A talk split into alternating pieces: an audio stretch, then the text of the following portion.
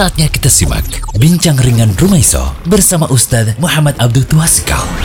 Assalamualaikum warahmatullahi wabarakatuh. Pemirsa channel Rumaiso TV yang semoga Allah rahmati dan diberkahi. Pada kesempatan kali ini kita akan discuss bincang santai. Insya Allah ini jadi ilmu yang manfaat nantinya Di mana kita akan berbicara langsung dengan Mas Jarod. Mungkin yang sering mengetahui Darus Solihin nah, Ada kontak yang biasanya kami sebar uh, Dengan mempunyai kontak Mas Jarod Nah ini beliau memang punya program-program yang istimewa dengan salah satu yayasan ya eh, dengan nama Cahaya Insani. Beliau termasuk petani juga dan sesuai dengan uh, nama yang ada di bajunya kaosnya petani itu keren. Nah, itu.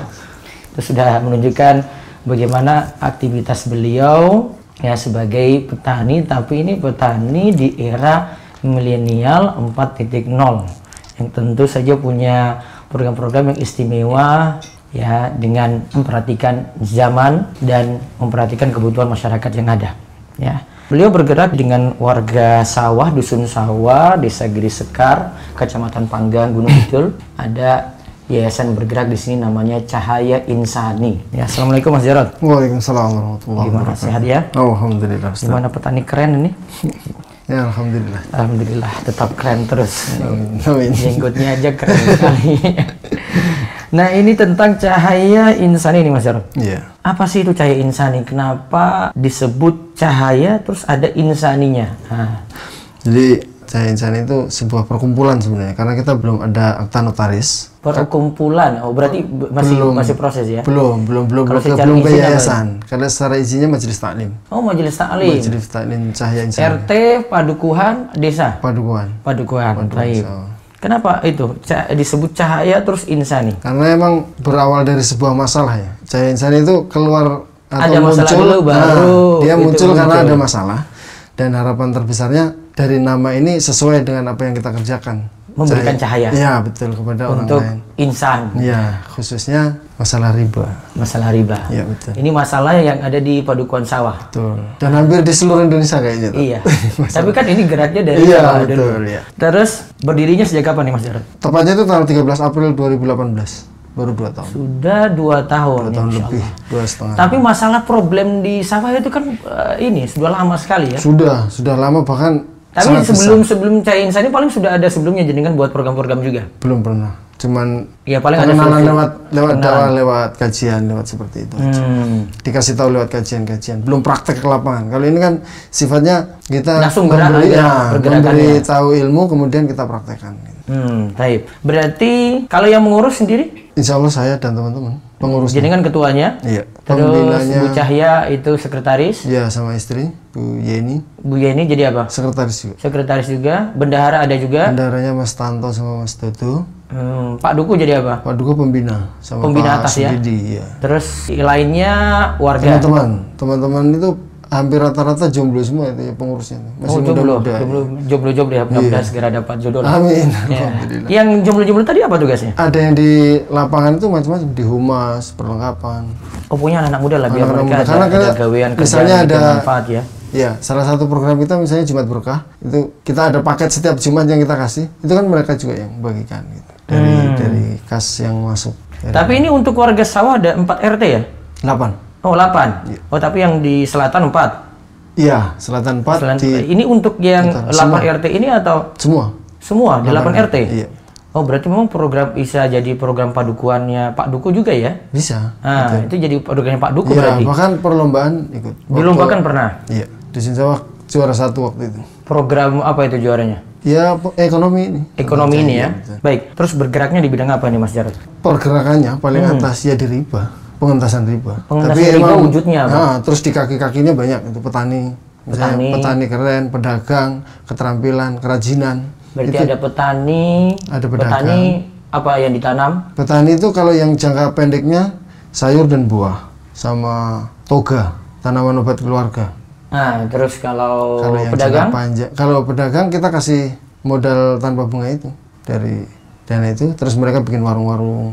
Kan sekarang jenengan kalau lewat sawah banyak warung kan. Semenjak ada cahaya insan itu warung Ya warung ada. lebih banyak Di gitu. sebelahnya Busri depan di kiri ada buah, ke sana lagi ada ya. Betul. Lebih lebih banyak sekarang. Lebih gitu. banyak sekarang. Ya karena kita emang fasilitasi modal tanpa bunga dengan pengembalian sedapatnya semampunya gitu. Tapi yang penting dia ada pengembalian. Iya betul. Terus dananya itu ngumpulnya dari, warga. masyarakat.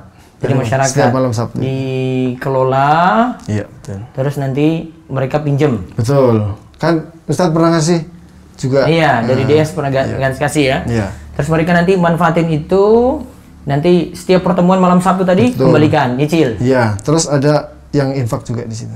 Ada juga Misalnya infak lagi. Pengusaha yang berhasil masa mau infak sedikit kan nggak mungkin. Oh, dia berarti yang sudah berhasil, dia infak lagi. Iya, nanti betul. uang infaknya ini diputar lagi. Putar lagi. Bentar, tadi pedagang, sudah petani, terus apa lagi? pengrajin. Sapu, Pengrajin apa bentuknya? Oh. sapu lidi.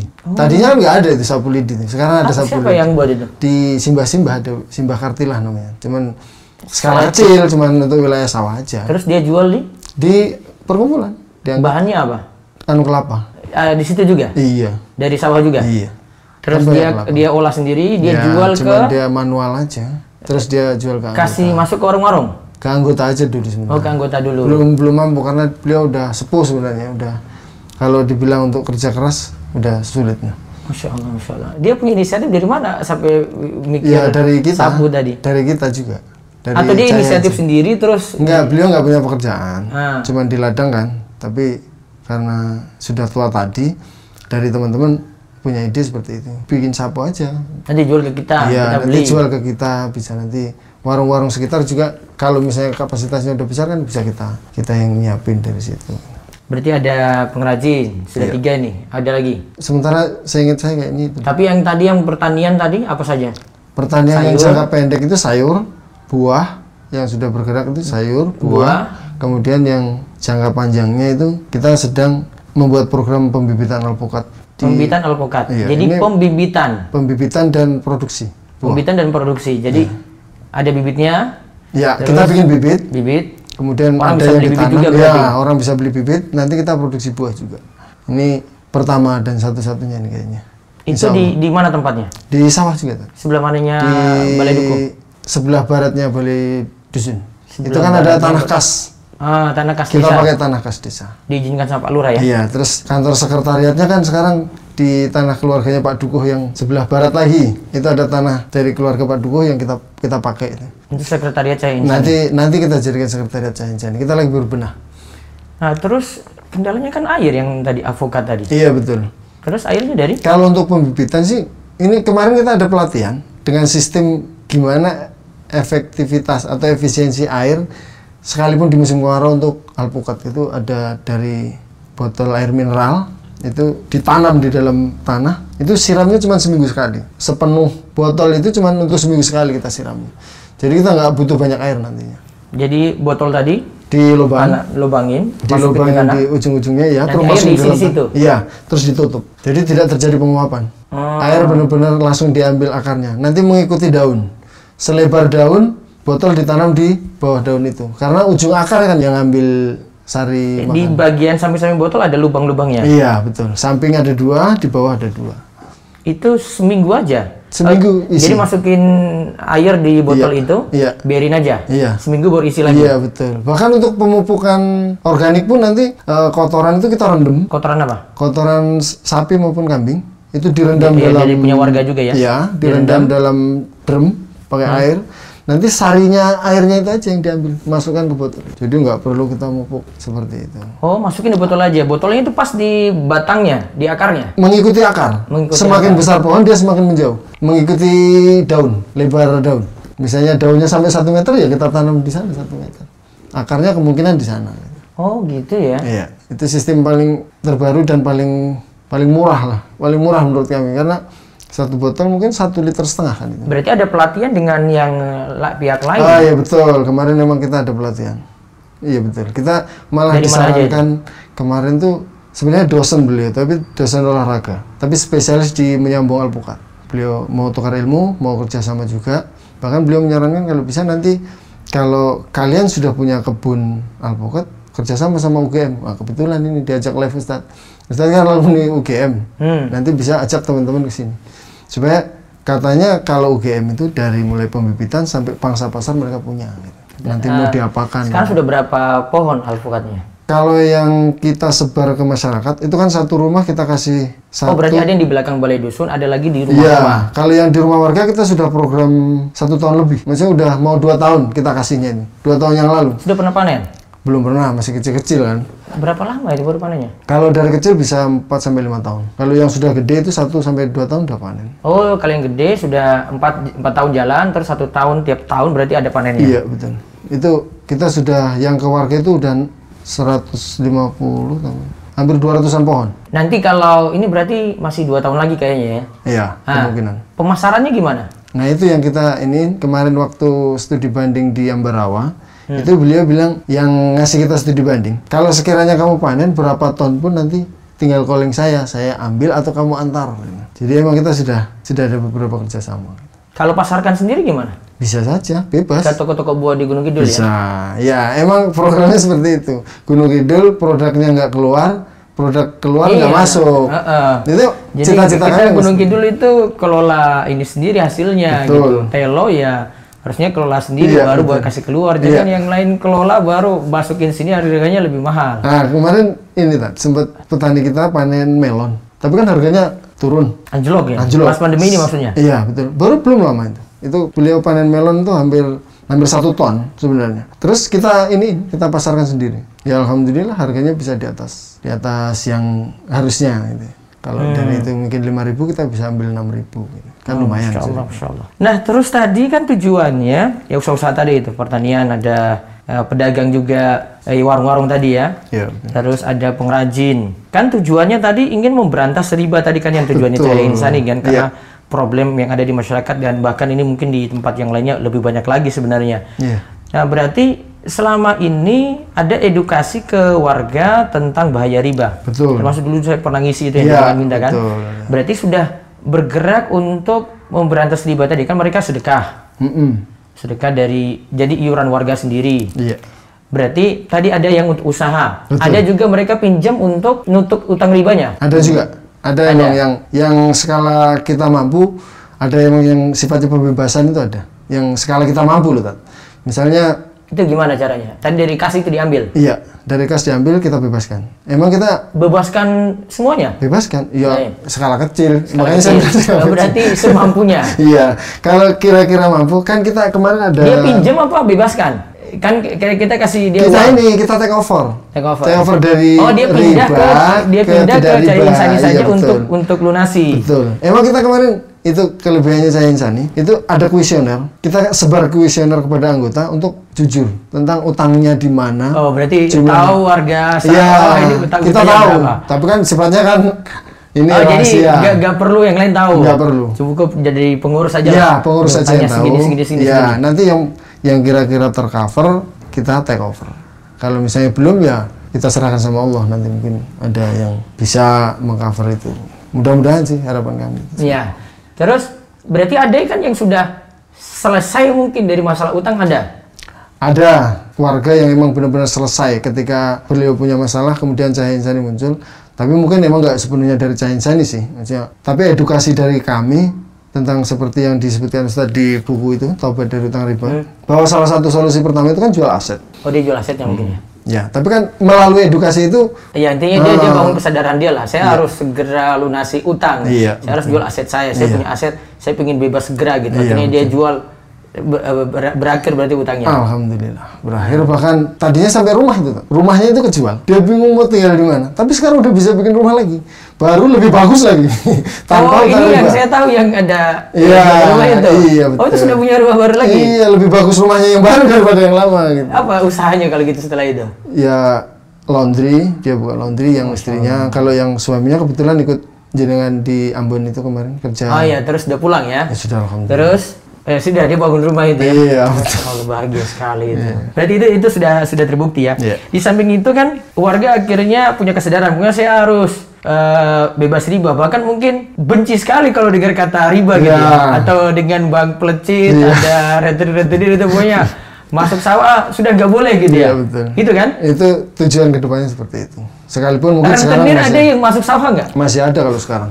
Masih Tapi ya udah sifatnya udah sembunyi-sembunyi. Ah. Risi sendiri gitu. Diri sendiri. Iya. Karena sudah warga sudah Kita nggak perlu teriak-teriak, mereka yang risi sendiri Oh, gitu. gitu. Jadi sudah takut sendiri lah kalau iya, masuk. Iya.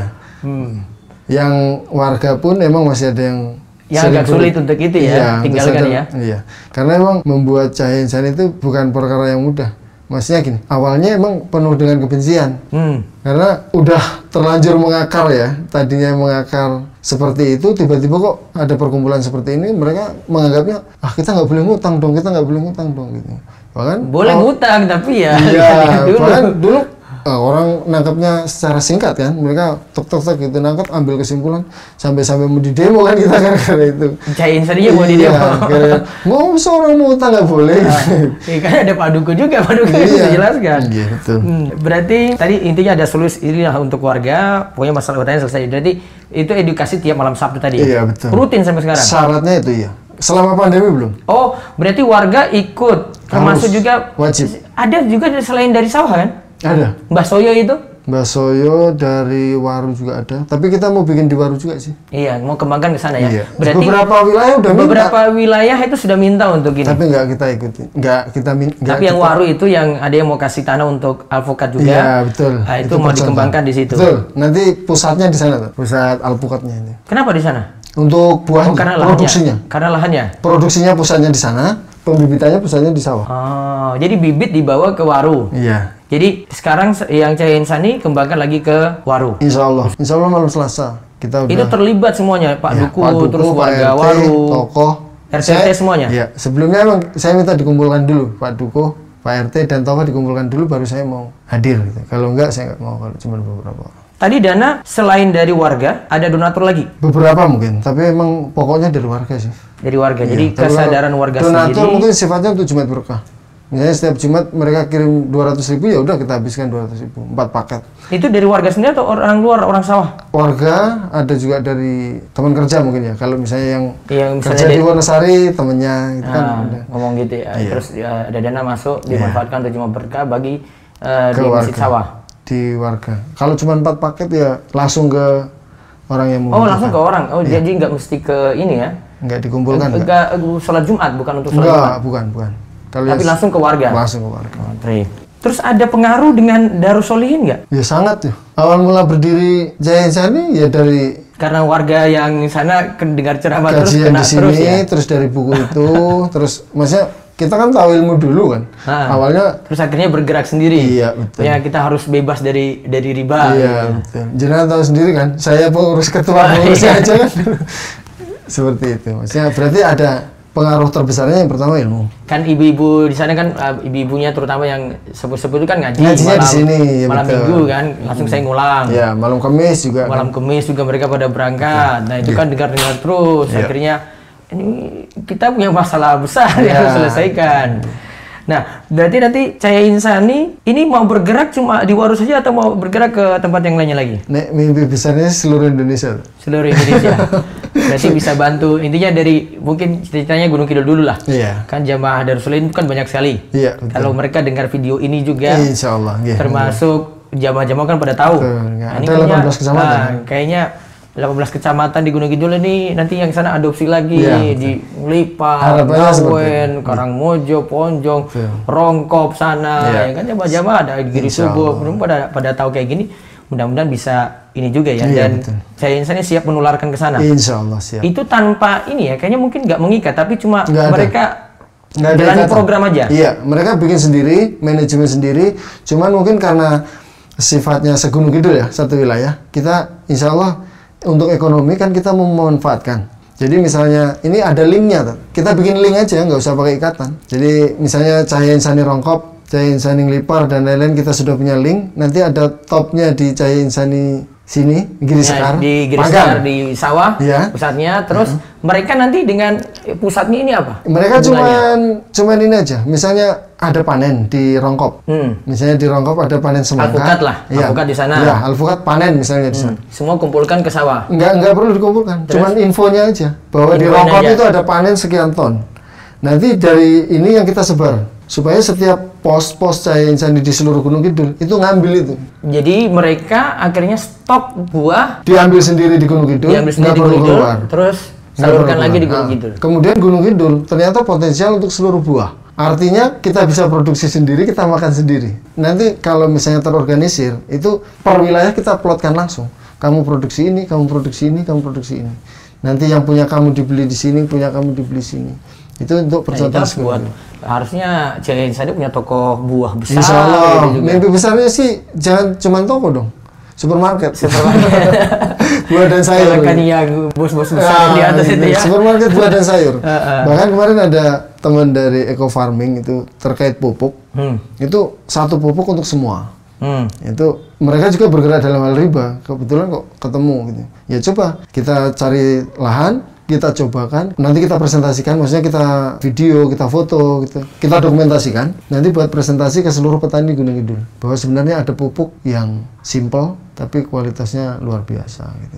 Jadi kalau kita sudah pakai Kayak tadi yang jenengan cerita pupuknya itu. Iya betul. Kalau sudah pakai itu, insya Allah nggak nggak perlu ada permainan lagi. Kan banyak permainan pupuk juga kan. Hmm. Harga petani jadi keberatan di harga. tadi. Betul.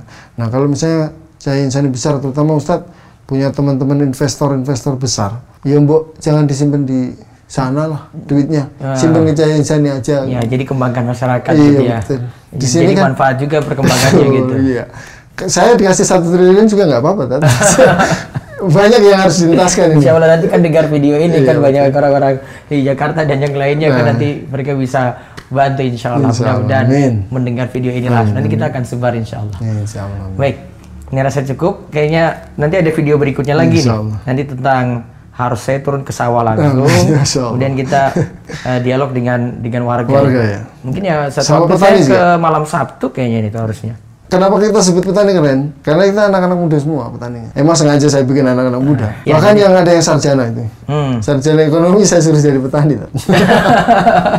Dan dia udah macul itu kemarin. Mas saya udah dapat ini dua, ini dua lokasi gitu, Mas. Anaknya sebenarnya sultan dia termasuk anak orang kaya di sawah ini. Ah. Karena orang orang tuanya kaya raya, Sultan sawah. Sultan ya. sawah dia. Tapi sarjana lagi. Kamu mau ngapain? Mau kerja juga susah kan? Jadi petani aja. Petani keren itu luar biasa. Siap mas. Dia bikin, udah bikin lahan dia, udah nanam katanya, udah laporan kemarin kirim video. Mas, aku udah bikin dua Ya, lahan. itu nanti diwawancarai lagi. Nah, ini sultan padahal tapi jadi petani gitu. Itu Sultan Sawah. Insya Allah, ya. Baik pemirsa, ini walaupun singkat, kita insya Allah eh, akan berlanjut lagi karena kita inginkan dengan uh, dan Cahaya Insani nanti akan bekerja sama. Eh, mudah-mudahan eh, ini akan tertular juga ke jamaah Darussulim yang sudah biasa rutin ngaji di sini dan bisa menyelesaikan masalah-masalah mereka yang ada. Alhamdulillah. eh, mudah-mudahan yang mendengar juga bisa mencontoh ini bisa nanti belajar juga langsung ke Cahaya Insani yang ada di Dusun Sawah, di Segeri Sekar, Panggang Gunung Kidul dan bisa mengambil ilmu-ilmu di situ dan keluarkan juga di daerah yang lain. Saya yakin semua punya masalah problem yang sama bahkan mungkin lebih parah. Nah, kalau kita memikirkan seperti ini kan kita bisa tawarkan solusi mulai dari yang memikirkan mungkin kepala desanya, bapak dukunya, pak RT-nya, kemudian keluarkan ke pada masyarakat yang ada. Amin. Demikian, mudah-mudahan manfaat. Jangan lupa subscribe channel Romeso TV dan terus ikuti video-video manfaat yang lainnya. Allah ibarik fiik. Assalamualaikum warahmatullahi wabarakatuh. Waalaikumsalam warahmatullahi wabarakatuh. Demikian Bincang Ringan Rumaiso. Simak terus bincang ringan lainnya hanya di rumaiso.com.